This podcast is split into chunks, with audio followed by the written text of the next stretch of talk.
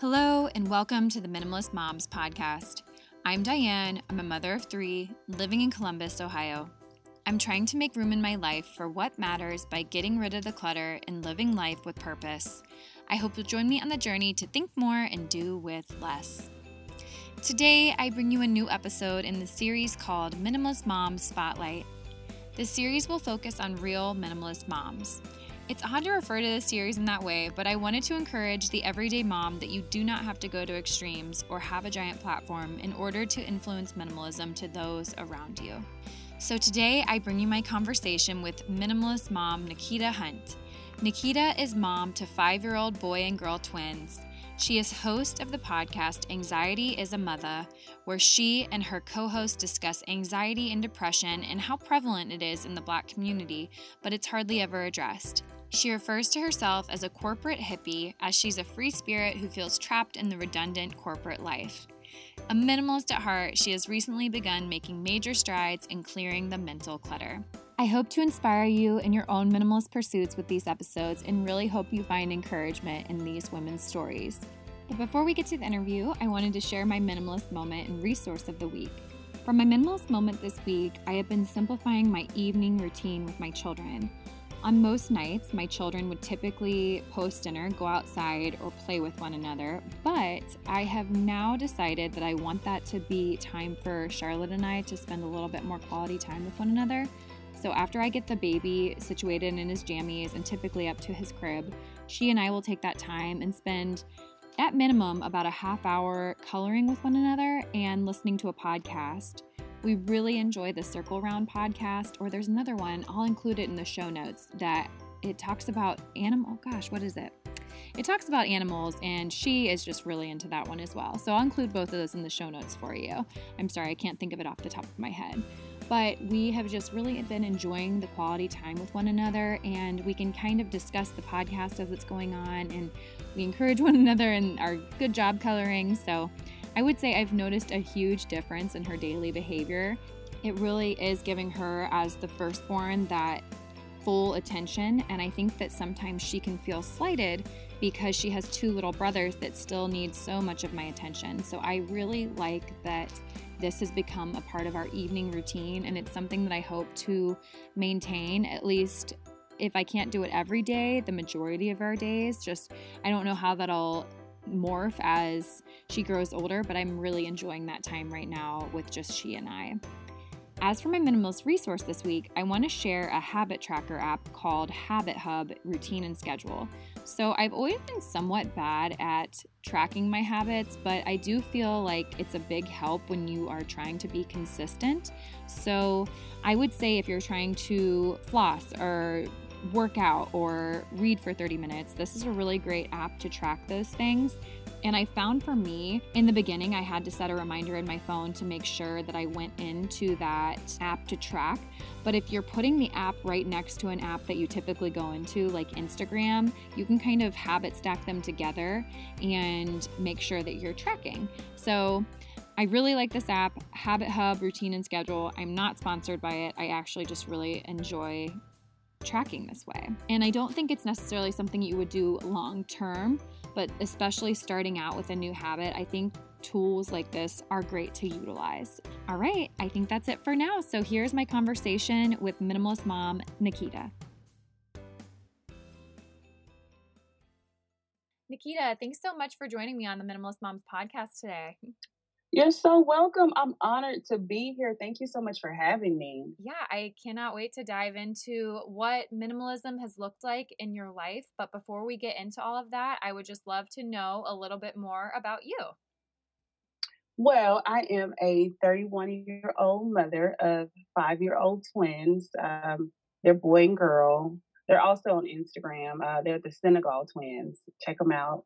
um, what else? I am a Air Force veteran. I did about eight years in the military, so I had the privilege of traveling all over the world, um, collecting memories and small mementos. Also, I have a podcast, um, Anxiety is a Mutha.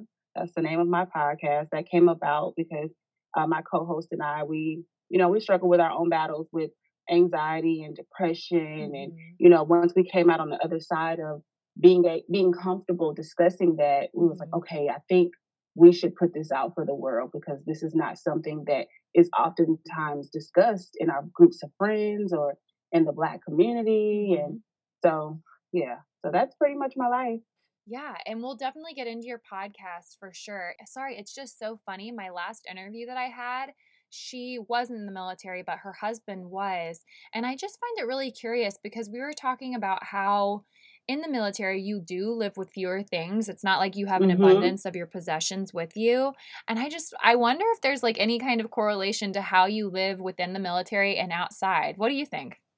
Oh, yeah, most definitely. Because if you think about it, you're moving so often.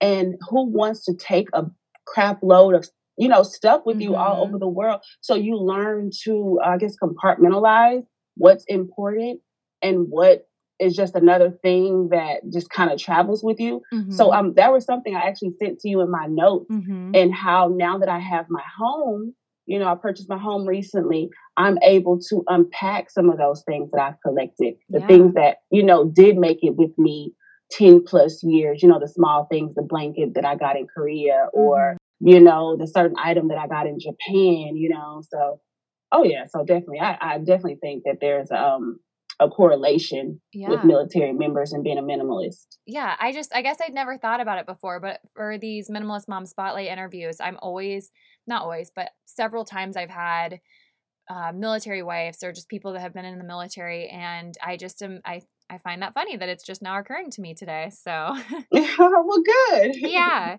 so I would love to hear about how minimalism has impacted your life, and then we can also discuss within this just your podcast, anxiety as a mother. And I'm curious to know how I guess that came about within this journey. So I'll give you the floor and you can tell me more about all that.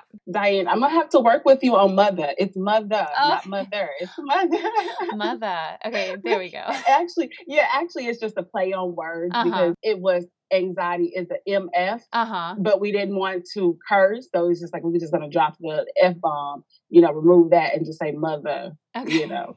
Yeah. Anxiety is a mother. And so, that'll be in the um, show notes for people that they can go over and find your podcast as well. I'll make sure that I include a uh, link to that. okay, thank you. Yeah. And I'm sorry, I completely forgot what the question was. No, you're fine. Um, I just was curious to know how all of this came about, how minimalism, you started to pursue it, maybe after you were in the military or if it happened beforehand. Just what does minimalism look like in your life? I think I've always been a minimal, minimalist at heart. You know, growing up, my I didn't have a mom. I lost my mom when I was three, so I was Mhm. raised with my father. Mm-hmm. So my dad, he was pretty much a hands-off parent. Mm-hmm. Um, so you know, I had my money, I made my own money, and I had to work for those things. You know, I had to work very hard for the things that I had, you know, I owned, and you know, doing other adult things like making my own doctor's appointments and stuff like Mhm. that. So when you learn at a very young age that nothing is easy to come by, you actually have to work for those things.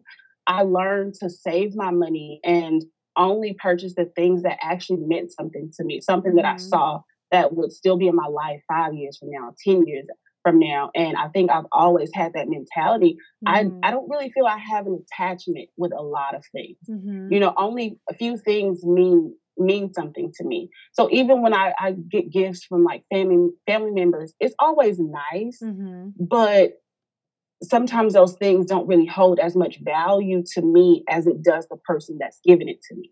I remember Yeah. there was a time where um my sister, she always buys me gifts uh, for my birthday, which is very nice, but I'm not, a, I don't carry purses. And Mhm. she would always get me a purse. So it was like, ah, you know, like, oh, thank you. And I'm like, oh my God, like this, but I always felt inside, like, oh, it's just one more thing in my house that I don't really want you Mhm. know, but this past birthday, I think I had posted something on my Facebook and I was like, oh, these taco blankets are so cool. And she got that for me for my birthday.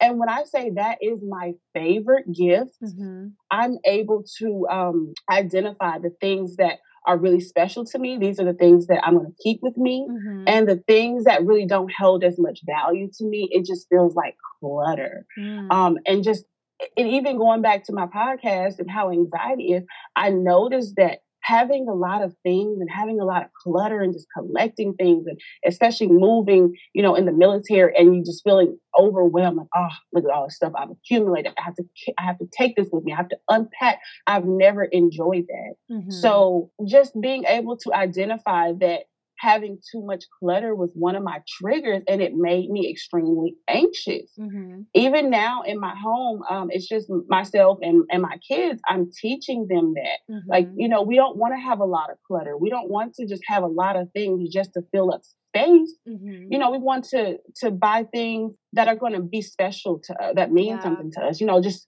buying things with intention you know so i'm teaching them that the the value of not the actual material item itself but just doing things you know and collecting things that make you that bring you peace that bring you joy things that have some type of sentiment to mm-hmm. it you know maybe you know what i mean but yeah. also i guess i could go into hoarding you know if you if you attach yourself with too many things but yeah, just trying to teach that lesson to them and decluttering my life, closing those tabs in my brain by maybe recording voice notes. You know, um, mm-hmm. um, I, maybe I come up with a good podcast idea or whatever, whatever the millions of things that flow through my mind. Just kind of getting that out and decluttering my mental to kind of help with my anxiety. And I noticed, you know, once I started doing that, I became less and less anxious because I know all my thoughts are here and in my home, I, I don't have a whole lot of stuff. Throughout, you know, the time that we live here, we'll collect things, mm-hmm. but they'll they'll mean something. Mm-hmm. I, I, get a little bit anxiety when people come to my home. Mm-hmm. And I'm like, oh, I wonder if they're gonna think like, wow, she doesn't have anything in her home. Like she mm-hmm. maybe she can't afford this. I mm-hmm. don't know. But I try not to let that be an issue for me because I understand living a minimalist lifestyle it's it's something that's good for my mental. I don't I I think it would be great for um a lot of other people, but you know, hey, everybody's journey is different. So mm-hmm. well, I want to talk about the anxiety that you feel or that you felt when you had more of a cluttered home. I guess how did you start to notice that there was a correlation between feeling anxious and clutter. And then it, is that kind of what made you come up with the idea of creating the podcast? I think with me, um, there was just a lot of things going on in my life at one time. Mm-hmm. And I started going to therapy. Mm-hmm. And, you know, just kind of having someone help me sort out certain things and notice, you know, ner- notice certain triggers for myself and mm-hmm. how I mm-hmm. cope with things. And then I felt like during that time, I was also going through some form of like a spiritual awakening. And I wanted to just find my center and just, you know, really discover who I am. So I would just have moments where it's everything was just so clear to me. Mm-hmm. You know, I walk in the house, it's cluttered, and I'm like, ah, like I feel rageful. Mm-hmm. You know, I'm mm-hmm. like, oh my God, like I've had a, a long day and my house is filthy. Mm-hmm. You know, the kids are going crazy. And I noticed that would just make me so crazy. Yeah. But on the days where I stayed up a little late and just organized and cleaned up, I noticed the next day when I would come home from work, I, I was like, mm-hmm. like this is nice. You know, I feel like I'm able to be more in the moment with my kids. And I notice they're less anxious because I'm less anxious. And mm-hmm. it's more, it's just more peaceful although I, like I said, I feel like I've been a minimalist all my life. Just you know, now in my home, now that I'm in my place where I don't have to bounce around anymore, mm-hmm. I'm like, okay, it's time to get rid of everything that you have no attachment with. Yeah. And then when I guess where does the podcast fit into this journey? Um, I think it's just being a voice, you know, just to have a podcast. I know our name is kind of quirky. I love it. Mm-hmm. Um, just, just, just how that stands out. Anxiety is a Mutha. Mm-hmm. I feel like it's it's drawing people in because yeah. most people are like, ah, anxiety. Mm-hmm. You know what? I think I suffer from anxiety. That's not something that you typically see people wearing on a shirt yeah. or people openly discussing at the dinner table or at the lunch table. So just to kind of like put that message out there and be a voice for the Kita that was 10 years old or five years old or 21 years old, not knowing what was wrong with me. Mm-hmm. Was I just a really fidgety person who was always annoyed? Mm-hmm. you know, so I just want to speak to those people who who just never knew that decluttering your life, decluttering your mental, dealing with anxiety and depression, and how all those things and the way you eat Mm-hmm. You know, mm-hmm. it changes your perspective, it changes mm-hmm. your mental. So just to be that voice to advocate for those things that I I wasn't taught mm-hmm. and most of mm-hmm. my friends weren't they weren't taught, you know, just that, that's pretty much how um, that came about, you know, after going to the therapy and after working through certain things. There's certain things that I won't discuss on the podcast, mm-hmm. but there's certain things that I have worked through. I'm like, I feel it's my path it's my duty, it's my calling mm-hmm. to speak up on those things and share those things with other people. Mm-hmm. No, I love it. And I, I love that you're a voice for that and that you have the personal experience to say, like, this is how I have kind of suppressed that clutter now and this is how you can overcome. I just think that it's so important that we have variety of voices speaking into it, you know? I love that. That is so true. Just, you know, just being open and honest and sharing our journey with other people. I was so happy when I found your podcast. I'm like, oh wow, like this sounds like me. Like I, I, I, now have a group, although I never met you. Like, I now have something to listen to, and I feel like this is a group and a family. Mm-hmm. And you know, listening to your other guests and how they talk about certain things, I'm like, huh, mm-hmm. I'm going to incorporate that in my life. Mm-hmm. I love that idea, and you know, I hope that some of your listeners listening to to this episode, I hope that through telling my journey, yeah. if I'm able to help one person just through sharing my journey, even through minimalist, you know, mm-hmm. like your mm-hmm. guests have helped me, like I've done my job. Mm-hmm, That's sure. it. Have you been searching for a podcast that the whole family can listen to? What about one that includes positive role models for your daughter? Only 19% of children's books showcase women with jobs or career ambition, and by the age of six, many girls already believe that they are less smart than boys. If you're looking for a podcast full of encouragement told from a woman first perspective, I have just the one for you Goodnight Stories for Rebel Girls podcast. This award winning podcast has been named Best Family and Kids Podcast by the Webby Awards. That's like the Oscars for the internet the Best Educational Podcast by the New York Radio Awards, and rated the top educational podcast by iTunes. Goodnight Stories for Rebel Girls podcast offers parents and teachers a free resource to inspire, educate, and instill confidence in girls. The podcast draws from the Library of Stories and the Goodnight Stories for Rebel Girls book series and highlights an exceptional woman in each 20 minute episode. They're perfect before bedtime or on the way to school. The podcast introduces girls to modern icons as well as key her story figures like Frida Kahlo with engaging narration by equally impressive women. Give the Rebel Girl in your life the confidence to dream bigger and find Goodnight Stories for Rebel Girls award winning educational podcast on your favorite player.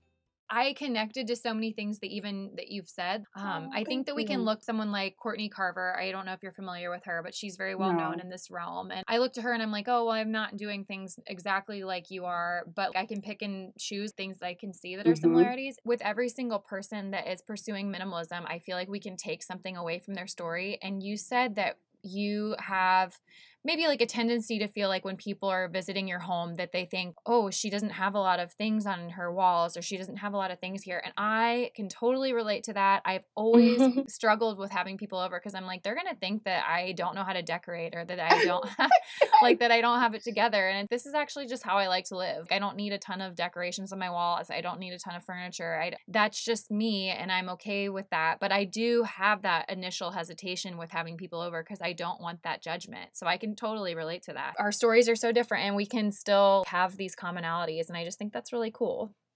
I do too. I love that. Yeah. I, I do. So, moving on to my next question for you, what would you say is your proudest moment in regards to your minimalist pursuits? Um, I would say it would have to be um, just watching my kids and teaching them to care for their items and um, just because like my daughter she has these um she has these baby dolls. Mm-hmm. We call them the twins, Cece and Fifi, mm-hmm. and they both only have one leg apiece.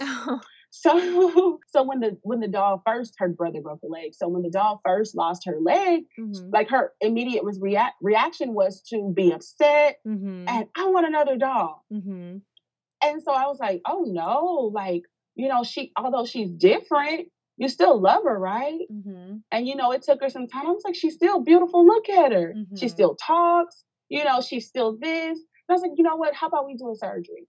and we pretended to have a surgery. We tried mm-hmm. to glue the leg back on, and we thought it was successful, but the leg fell off during one of our our afternoon walks. And she, you know, we were upset. we were a little sad that her leg, we lost a leg, but she's like, it's okay, mommy. I still love her. She's mm-hmm. still good. Mm-hmm. And so mm-hmm. I just love that she ch- was able to change her mindset, even with just dolls. I know it's just kind of small on, on the big scheme of things, but and I don't necessarily need to collect new things because I no longer feel that my existing things are now flawed. Yeah. Uh, no longer, you know, hold a certain value that it once did and i feel like she she gets that i know it's just a doll mm-hmm. but i mm-hmm. feel like she gets that and once she goes into her journey of adulthood i think those things will stay with her mm-hmm. yeah absolutely that's so sweet i love that story i don't know oh, I thank just, you i just feel like that's the way that people probably used to live. It wasn't like, oh, we get a brand new doll. It's like this doll, we still love this doll. This doll is still our same doll. yeah, it is. And um my I have so people I learned this when I found out I had twins mm-hmm. or was having twins. Mm-hmm. People love to buy for twins. Mm. Like m- their first birthday party. Oh my goodness. I was just shocked yeah. by the amount of gifts they had. Mm-hmm. Like it, it was to the point where people would ask me, what can I get them? What can I get? And I'll, I'll say pajamas, mm-hmm. socks. Mm-hmm. Like because those are the things they actually need. They don't need any more baby dolls. They don't need any more Play-Doh sets. They don't need any of those things because it's just gonna drive me crazy. Yeah. You know, so we don't want our kids to feel like things just come to them so easily. Mm, yeah. I deserve that. yeah. yeah. for sure. I think it just creates, without like going down too deep into a rabbit hole, it just creates an entitled child that they feel exactly. like they deserve everything. I would love to give you everything that you want, but that's not going to build character in you. If I were to always do that, the world's not going to do that, you know? Like, exactly. you're going to have people in charge of you, like your bosses or whomever that you encounter. And so I don't want to set you up for just to have you be torn down by the world, I guess, to have your oh your hopes goodness, defeated. Yes. You know, so yes, that's exactly like you literally took the words out of my mouth. I, I that's exactly how I feel. Yeah, so that's why I try to, again, like sometimes I will go out of my way to buy a special gift or if charlotte wants to if she has money that she saved up from birthdays or whatnot i'm happy to go take her out and she can choose something but i really try to limit we're not going to just give you whatever you want because you saw it at a friend's house or you want it. Like i want a lot of things but i don't get right. them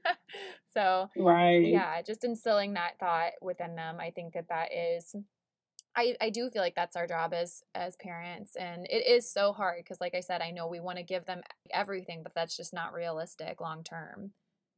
Yeah it's definitely not. Yeah. um, something we're doing right now in the house we're doing a point system. So i you know i make them earn their points every day and i say you know if you guys haven't been listening or you guys have been fighting you get your points taken away. And i say when you reach I think I said 25. I was like, when you reach 25 points, you guys are going to get a really big surprise. Uh-huh. Um, and that's, you know, over the days, they're like, oh, mommy, was I good today? Or, you know, I kept my room cleaned. And so when they do get to that 25 points and they get their gift, uh-huh. they're like, oh, yes, I wanted this forever. Or I love it. Or, mm-hmm. you know, I just feel like it's the small victories and teaching our kids how to work for things mm-hmm. because nothing's handed to me easily or freely, you know, mm-hmm. as an adult. So mm-hmm. why teach your kids that? Yeah, yeah. Like I said, I don't want I don't want it to be a complete slap in the face when they get out into the real world and they're like, "Wait, but my mom always did this or my dad already like, that's just not realistic." So Right. So, my next question for you is do you have an area that you tend to struggle with when minimizing? Oh, um yeah, I I would say just getting rid of my kids' pictures. Mm. You know, I'm that mom that takes a million pictures. I'm like, wait, let's do a video. Oh, this is so cute. This is a cute moment. Mm-hmm. So just um, going back through my camera, my phone is always like it, it never has storage. I'm mm-hmm. always trying to delete an app to save a picture, figuring yeah. out where to save them, and things are just everywhere and millions of phones, old phones. For me, everything is a memory. Yeah. I don't want like that. That for pictures, like I'm a picture hoarder for sure. Uh-huh. So that's that's probably the hardest thing. Yeah, that is really hard. I try to go at the end of the day. I guess now that we've kind of been in quarantine, I'm not taking as many pictures. But on a typical day, I go through and I just choose my top photos of the day because you know you take you said you'll pose them one way and then another way and then another way. So I try to narrow it down to that one or two and only keep those. Otherwise, I'm just going to get so overwhelmed with digital clutter, and then that's something that is an abyss of its own that I can't like. I just have to try right. and it, you know. Yeah. But I can definitely understand that being a difficult thing for sure. Well, is there anything else you'd like to share with listeners, just encouragement or anything else that you've learned from your um, journey of minimalism? Um, yes, you know, letting the listeners know that getting therapy is okay. And, mm-hmm. you know, when you feel anxiety coming on, you know, just that feeling of nervousness or irritability or, you know, whatever anxiety looks like or feels like for you, just knowing that it's okay to seek therapy and yeah. figuring out your triggers and also figuring out the ways to cope mm-hmm. with your anxiety or depression or mm-hmm. whatever mm-hmm. whatever the case may be therapy is okay yeah. declutter your mental so important. Yeah so that you have not only the ability to well the freedom within having a clear mind but also that will enable you to clear your home as well because you won't be as distracted you know? Exactly exactly. Well where can listeners find you if they want to connect? Um, well, I am on Instagram and Facebook as Hurricane Kita. Mm-hmm. And my podcast is at Anxiety is a Mutha. That's M U T H A, mother, because anxiety really is a mother. and you can also follow my kids. They're the Senegal twins on social media. Cool. Well, as we wrap things up here, I'm going to ask you the two questions that I ask every guest. And the first one is what is something you're simplifying right now? AKA, what is your minimalist moment of the week? Cleaning out my pantry. Uh, cleaning out my pantry and buying little containers to put the cereal in because you know it's aesthetically pleasing to the eye mm-hmm. instead of mm-hmm. just big bags of cereals and chips and you know just so just decluttering my pantry yeah, and I feel like that can kind of I don't want to say save space because obviously like a bag I guess you can kind of like mold and fold into your mm-hmm. pantry, but you feel like a better adult. Like I'm really adulting today. yeah, for sure, for sure. And then my very last question to end the podcast, what is something that you cannot stop talking about? Insecure, the show Insecure. I am obsessed. I am so obsessed with the show Insecure. Oh. Um, I watch it every week. The season finale just aired. And I'm so sad. I don't know what I'm going to do with my life until next year. So I love Insecure. So if anyone knows anyone on that show, hook a sister up. I love that show. I want to be on that show. I want to write for that show. I just, I love it. Where is Insecure? Where can I watch it? Netflix? Um, you can watch it on HBO. Oh, okay, okay. Oh, it's it's so good. I feel like I'm watching my life on screen. That's how relatable it is. Cool. Well, I'll be sure to include that. I'll have to go find a trailer for it. I'm sure there's a trailer. Okay. I'll tag you in one. Yeah, yeah, for sure. Do that. Well, this was just so wonderful. I love I just loved hearing about your journey and just how minimalism has been so impactful to you. And I just really appreciate your time today. Thank you so much for having me. I truly, truly, truly appreciate it. And I am so honored to be on your on your show. What did you all think about this Minimalist Mom Spotlight interview? I hope that you found some inspiration in Nikita's story. If you or someone you know would be interested in being a guest on the show, send me a message via email or Instagram. I wish you a lovely week as you think more and do with less.